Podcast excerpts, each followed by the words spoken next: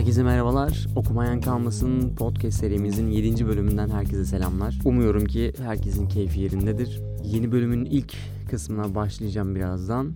Yeni bölümümüzde bizleri bizlerle beraber olan kitabımız hepimizin çocukluğunda bir yer sahibi etmiş. Öğretmenlerimiz tarafından okunması için verilmiş olan çok büyük bir ihtimal Don Quixote kitabı. Okuyan vardır, okumayan vardır, geç okuyan vardır, ilkokulda okuyan, okuyup konusunu unutan vardır. Birçok varyasyonu olabilir. Ama kişisel görüşüm belli bir yaştan sonra belli klasiklerin tekrar bir gözden geçirilmesi zaten çok da kalın kitaplar değil. Ama o zaman tabii çocukluk döneminde ya da gençlik zamanında okunduğundan alınan dersler çok daha farklı oluyor. Don Quixote da biraz böyle arada bir hayatın akışına dur deyip hızlıca böyle gözden göz atılabilip keyifle okunabilecek bir kitap olduğunu düşünüyorum. Ara ara da zaten kitap seçimlerimde geçmişe dönük de böyle kitap seçimleri yapabileceğimi söylemiştim. Diyerek başlıyorum Don Quixote kitabımızın ilk bölümüne. Evet Cervantes'ten başlayalım önce. Cervantes 1547-1616 yılları arasında İspanya'da doğan Ekseriyetle İspanya'da yaşayan bir e, romancı, şair ve oyun yazarı. Sadece romanı yok, şiirleri var, e, yazdığı oyunlar var. Ama Don Quixote en çok bilinen eseri. Ve zaten Don Quixote'un bu bilinirliği modern zamanların en iyi romanı olarak e, anlatılıyor hala da. Tabii şöyle bir Cervantes'ten konu açılmışken hep herkesin illaki sosyal medyada bir yerde bir sayfada rastladığı bir bilgiden bahsetmek istiyorum. Araştırırken yine Cervantes kimdir, ne yapar, ne yapmış, neler yapmış Don Quixote dışında diye bakarken herkesin gördüğü Cervantes 20'li yaşlarda Osmanlı'yla bir deniz savaşına gidiyorlar. İnebahtı savaşına katılıyor ve orada Osmanlı'ya esir düştüğü bilgisi var. Ve bu esir düştüğü bilgisinden ziyade en çok böyle hepimizin duyduğu Cervantes'in Kılıç İstanbul'daki Kılıç Ali Paşa Camii'nde hani esir düşüyor İnebahtında sonra gidip orada bir de e, cami inşaatında çalıştığı ile alakalı bir bilgi var. Ama araştırmaların bu sadece bir iddia olduğu hatta bunun birçok kaynakla da böyle bir e, verinin olmadığından dolayı yalanlandığını gördüm. Yani çok doğru bir bilgi e, değil. Esir düşmesi okey ama Ali Kılıç Ali Paşa'da çalıştığı bilgisi sanırım yanlış. Tabi bu Don Quixote en çok bilinen eseri demiştik. Kitap 292 sayfadan oluşuyor ve çok akıcı bir dille anlatılıyor. Dili gayet sade, olaylar çok eğlenceli. Yer yerde zaten kitapla alakalı birçok alınması gereken ince ince mesajlarla dolu diyebilirim. En azından benim için. Aslında yani süper zengin olmasa da küçük bir kasabanın babasından kalan bir serveti söz konusu. Çok büyük bir servet değil ama eğer bunu har vurup harman savurmadığı bir takdirde gerçekten çok bir şeye ihtiyacı olmadan hayatını sürdürebilecek bir konumda. Evinde bir hizmetlisi, işte birkaç çalışanı dışında tek yaşıyor ve hayatının o döneminde yani orta yaş diyebiliriz buna kendini kitaplara veriyor. Kendini bir odaya kapatıyor ve deli gibi kitap okuyor ama okuduğu kitaplar hep şövalye kitapları. Pek tabii ki oku, okuduğu şeylerden etkileniyor ve belli bir süre sonra gerçekten çıkıp dışarıdan mazlumun yardımına koşan bir şövalye olma işte haksızlıkları gidereceğine inanıyor. O kadar çok kitap okuyor ki e, artık dışarı çıkıp bir aksiyon almak istiyor. Evdeki herkes buna şaşırıp hani buna engel olmaya çalışıyorlar. Ve daha sonrasında zaten hani birçok macera yaşıyor. Başına bir şeyler geliyor. Belli halüsinasyonlar görüyor. Bunları gerçek zannediyor. Gerçekten kendini bu yolda alıyor ve yola çıkıyor. Tabii böyle bir şövalyenin yancısı demek çok doğru ve edebi kalmaz belki ama yanında gelecek, ona hizmet edecek birine ihtiyaç duyuyor. O da bizim Sancho Panza'mız. Birçok konuda Don Quixote'dan çok da akıllıca düşünen, çok akıllıca yorumlar getiren duruma bir şahsiyet kendisi. Ama tabii onun da bir zaafı var. Nasıl ikna ediyor Don, e, Don Quixote onu? Ona bir adada bir ada verme vaadiyle eğer onunla gelirse bu maceraların sonunda ona bir ada verme karşılığında onu ikna ediyor. Tabii o da bir aslında aklı başında dedim ama aklı başında demek çok da doğru olmaz. Belli konularda çok güzel e, yaklaşımlarla tabi okurken hoşunuza gidiyor. Ama gün sonunda onun da o hırs, o ada sahibi olma hırsı Don Quixote'la birlikte bu aslında akıl almaz maceralara çıkmasının teşvik eden unsurlardan biri diyebiliriz. Tabi bu süreç zarfında birçok geri dönüşler de oluyor. Millet ilk aşamada kitaplardan dolayı böyle olduğunu düşünüyor Don Quixote'un. E, ama Don Quixote bu macerada çok da böyle bir geri vitesi alıp vazgeçmiyor. Zaten en sonunda nasıl vazgeçtiğini görüyoruz hep birlikte. Cervantes'in bu kitabı tabii zamanın en yani ilk modern roman olarak kabul ediliyor bunlar. Aslında döneminde biraz da genel bilgiler vereyim kitapla alakalı. Döneminde çizgi roman olarak başlıyor birazcık. Daha sonralarında aslında iki cilt olarak yazılıyor. Biz şu an Don Quixote'u tek kitap olarak okuyoruz. Ama o zaman iki cilt olarak e, ayarlanıyor ve ilk başta da dediğim gibi çizgi roman olarak kurgulanmış en başında. Tabi Batı klasikleri arasında yer alıyor Don Quixote ve gerçekten de bir klasik o zamanları düşünürseniz. Yani gerçekten okunması hoş bir kitap. Zaten çok hızlı bir şekilde de e, sükse yapıyor diyebilirim. Kitabın ilk bölümü için bu kadar bilginin yeterli olduğunu düşünüyorum. Kitap hakkında daha fazla bilgi edinmek isteyen arkadaşlara da detay bölümümüz olan ikinci bölüme bekliyorum. İkinci bölümde görüşmek üzere. Sayın dinleyiciler, kaptanınız konuşuyor. Programın ikinci bölümü kitap hakkında ciddi spoiler bilgi içermektedir. Kitabı okumayı düşünen dinleyicilerimiz programın ikinci bölümünü dinlemeye bilirler. Herkese ikinci bölümden selamlar. Don Quixote kitabımıza giriş yapabiliriz. Don Quixote 17. yüzyılın İspanya'sını aslında tasvir ediyor. O dönemi tasvir ediyor demek daha doğru olabilir. Şövalyelerin çok gıptayla bakıldığı, şövalyelikle alakalı kitapların yazıldığı bir dönem. O yüzden Cervantes de bundan nasibini bundan nasibini alıyor ve bir o dönemin şatafatına, harcamalarına, yaşam tarzına ve biraz da alaycı bir şekilde Don Quixote'la bakmamızı sağlıyor. Don Quixote orta yaşlarda hatta bir tık belki yukarısı yaşlarda güzel bir evde yani çok böyle süper şartlarda, süper imkanlarda çok zengin bir hayat süren bir adam değil ama bulunduğu köyde e, köye göre ya gayet durumu iyi diyebiliriz. Evde de birkaç hizmetçi ve bir evde kalmış bir akrabası ile birlikte yaşıyor. Kendini şövalye kitaplarına vermiş. Deli gibi şövalye kitapları okuyor diyebiliriz. Bu okumanın sonucunda bayağı bir etkileniyor. Şüphesiz her insan izlediği, okuduğu şeylerden bir nebze etkilenir. Ama Don Quixote burada gayet uçuyor. Arayı bayağı açıyor ve kendini kaptırıyor. Aslına bakarsanız Don Quixote'un kendine verdiği isim daha sonra şövalyeden sonra Don Quixote diyor. Aslında gerçek adı Aldonza Lorenzo. Kendine şövalye olduktan sonra ya da kendini şövalye olarak tanımladıktan sonra demek de daha doğru olabilir. Don Quixote adını veriyor. Bu durumu birçok şeyde yapıyor aslında. Yani okuduğu kitaplarda şövalyelerin uğruna savaştıkları bir hanımefendi var. O da hemen benim de bir hanımefendim olması gerekir e, diye bir prensese, bir soyluya, soylu bir ailenin kızına ihtiyaç vardır diye normal köylü bir hanımefendiyi hatta ismini de değiştirip Dulcina yaptı. Prenseslere layık bir isim koy, kendine bir isim ona bir isim takıyor aslında. Ve biz kitabın sonuna kadar Dulcina olarak biliyoruz.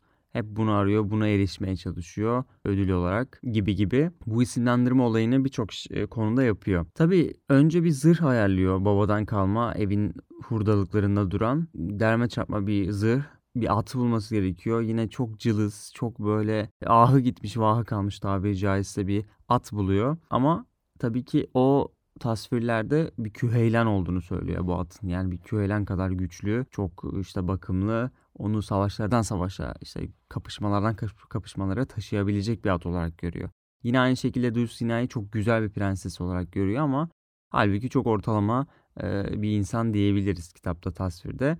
Ta kitabın başında biz Don Quixote'un paralel yani kafasının çok stabil çalışmadığını aslında zaten net bir şekilde görüyoruz. Tabii bu şekilde evdekiler de çalışanlar da garipsiyor. Komşuları, arkadaşları geliyor. Birkaç kere papazı getiriyorlar bu adama ne oldu diye. Ben şövalyeyim diye ortada geziyor. Sonra gerçekten atını, her şeyini alıyor ve çıkıyor sefere. Yani dışarı çıkıp dünyaya adalet, işte iyilerin dostu, kötülerin düşmanı diyebileceğimiz bir tavırla kendini dışarı atıyor. Ve ilk seferini şimdi şöyle çok şövalye kitapları okuduğu için şövalye olabilmesi için şövalye tarafından onun kutsanıp işte bu göreve şövalye ilan edilmesi gerekiyor. O da yolda giderken gördüğü bir hanı, bir han, insanların gelip kaldığı bir yeri bir şato olarak görüyor ve bu şatonun sahibi de bir şövalyedir. Eğer ben ondan rica edersem şövalye beni şövalye ilan edebilir o şövalye yani oranın sahibi. Böyle bir şeyle giriyor, gidiyor konuşuyor. Tabii han sahibi çok matrak bir adam diyebiliriz. Anlıyor adamın meczup olduğunu. Kafayı yemiş herhalde diyor. Biz de bütün o orada kalanları avluya toplayıp bir seremoni şeklinde onu şövalye ilan ediyorlar. E kalanlar da o durumu anladığı için bayağı eğleniyorlar bu durumla.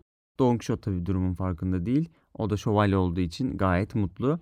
Artık daha farklı hikayeleri, daha farklı maceralara atılabilir. Çünkü şövalye ilan edildi. Tabii Don Quixote e, Han'dan ayrıldıktan sonra başına bin türlü olay geliyor. Yani ilk yaşadığı olayda bir e, kafileye, tüccar kafilesine denk geliyor ve orada bir konuşmada Dulcinea'nın dünyanın en güzel kadını olduğuyla alakalı bir konuşma dönüyor. Tüccarlarla arasında bir anlaşmazlık çıkıyor ve gerçekten tüccarlar bunu iyi benzetiyorlar. İlk dayağını yemiş oluyor bizim e, korkusuz şövalyemiz ve zaten hani o ağır zırhın altında dayak yemiş hırpalanmış bir şekilde ayağa kalkacak takati bulamıyor kendinden. Ve Don Quixote'un bir komşusu, köylüsü diyelim onu görüyor bu halde ve acıyor. Gidiyor ona yardım ederek geri evine getiriyor. Daha sonra da işte ev çalışanları, komşuları, orada tanıdıkları onun iyileşmesi için doktorlar bir şeyler hani bu adamın kendine getirmemiz lazım diye bir misyon ediniyorlar ama başarılı olamıyorlar. Don Quixote tekrar toparlanıyor ve tekrar gitmem gerekiyor, yapmam gereken görevler var deyip tekrar atının sırtına atlıyor ama bir farkla bu sefer kitap Sancho Pança olarak geçen bir tane kendine ne diyebiliriz?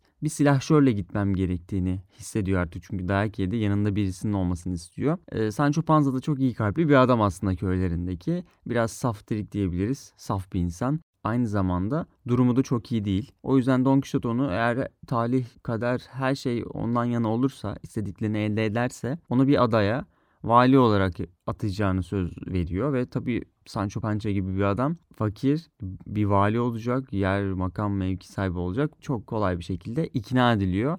O da Don Quixote'la birlikte yola çıkmaya karar veriyorlar aslında. Sancho Panza ile ilk serüvenleri yel değirmenlerine saldırması oluyor. Tabi gidiyorlar yol üzerinde Sancho Panza ile birlikte. Orada birçok muhabbet dönüyor. Tabi bir yel değirmenleri çıkıyor karşılarına. Don Quixote tabi hemen gardını alıyor. İşte karşımızda devler var diyor. Bu devlere savaş açacağız.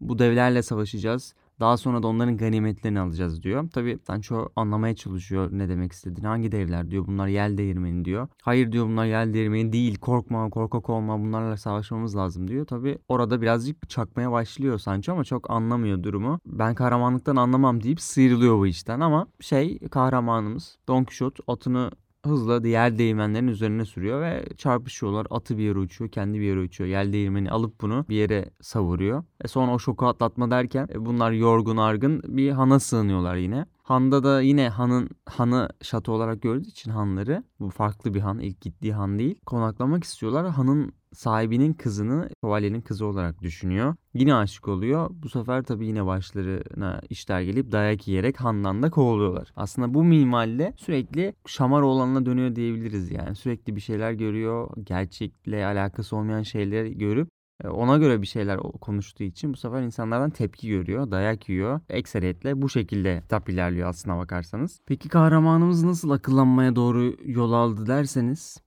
Son olarak yine yolda gidiyorlar. Yolda bir böyle toz bulutu kalkmış. Bunu çok büyük ordular, büyük ordular var. Ordu komutanları var. Bu orduların hareketiyle bu duman, e, bu toz bulutunun ortaya çıktığını iddia ediyor. Tabii başta göremiyorlar ne olduğunu ama sonra toz bulutu biraz inince orada bir koyun sürüsünü aslında çobanlar koyunlarını otlatıyorlar. O koyunların hareketi sırasında o tozların çıktığını anlıyorlar. Anlıyor aslında Sancho ve uyarmaya çalışıyor. Ama Don Quixote'u uyarmak ne mümkün işte mazlumun yardımcısı ve e, gariplerin dostu olarak hızlıca tabii çobanlar da laf anlatmaya çalışıyor ama o hızlıca saldırıya geçiyor. E, bunu durduramayınca sözlü çobanlar taşlamaya başlıyorlar bizim kahramanımızı. Peki feci taş yiyorlar ve bir tanesi dişlerine geliyor, yüzüne denk geliyor ve dişleri kırılıyor. E tabi çok garip bir halde, zor bir durumda yerlere yığılıyor bizim karakterimiz. E Sancho da artık durumu anlıyor. Bu kaçıncı darbe, kaçıncı dayak bu. E bu sefer alıp onu köyüne geri getiriyor. Ve Don Quixote da aslında böylelikle Don Quixote maceralarının sonuna gelmiş oluyoruz aslında. Yani birçok irili ufaklı olay yaşıyor. Artık bu gidişatın olmayacağını anlayan Sancho da alıp efendisini evine geri getiriyor. Tabii Don Quixote eve geldikten sonra ciddi bir humaya yakalanarak hasta oluyor ve ölüm döşeğine geliyor diyebiliriz. Ve bir gün dostlarını çağırıp aynen şunları söylüyor. Çok şükür Tanrı'ya ki şu günlerde artık aklım başına geldi. Ancak şimdi şövalye kitapları okumanın kahramanlığa özentinin saçmalığını anlıyorum. Sancho Pança bağışla beni. şunu unutma ki bu yılın kuşlarını geçen yılın yuvalarında aramak yanlıştır diyerek güzel anlamlı bir konuşma yapıp ve biz de gerçekten karakterimizin aklının başına geldiğini burada anlıyoruz ve kısa zaman içerisinde de Don Quixote vefat ediyor, aramızdan ayrılıyor. Cervantes'in Don Quixote kitabında kabataslak anlatılan hikaye bu, bunlardan ibaret. Hoş bir kitap. E, dediğim gibi hepimizin çocukluğunda bir şekilde yeri olan kısa versiyonlarını, tam versiyonlarını okuduğumuz bir kitaptır. Ben yine belli aralıklarla bazı kitapları tekrar okumayı sevdiğim için bu kitabı elden geçirmiş oldum. Geçen bölümde anonsunu yaptığım eğer ki bir, bir sonraki bölüm hakkında duyuru yapıyorum hangi kitapla alakalı olacağını yine yapacağım. Don Quixote hakkında bir herhangi bir katılımcı isteği almadım. O yüzden bu bölümde son bölümde böyle bir sizden gelenler bölümü yok. Ama bir sonraki bölümün kitabı Albert Camus'un yabancı kitabı olacak. Eğer ki bu kitabı daha önce okumuş, bir, bir buçuk dakika aralığında görüşlerini toplayıp bize göndermek isteyen dinleyicilerimiz varsa çok mutlu bir şekilde bunu sizden gelenler bölümü olarak bölümün sonuna koymak istiyorum. Yaklaşık bu bölümü dinledikten 2 ya da 3 hafta sonra yeni bölüm gelir diye düşünüyorum. O yüzden bu 3 hafta zarfında böyle bir katılım isteği olan arkadaşlar varsa bölümlerin altında ses gönder linki var. E, Anchor üzerinden gönderebilirler. Ya da seslerini e, temiz bir şekilde kaydedip info@okumayankalmasın.com'a gönderebilirler. Şimdilik burada veda ediyorum. Bir sonraki bölümde görüşmek üzere. Kendinize iyi bakın. Görüşmek üzere.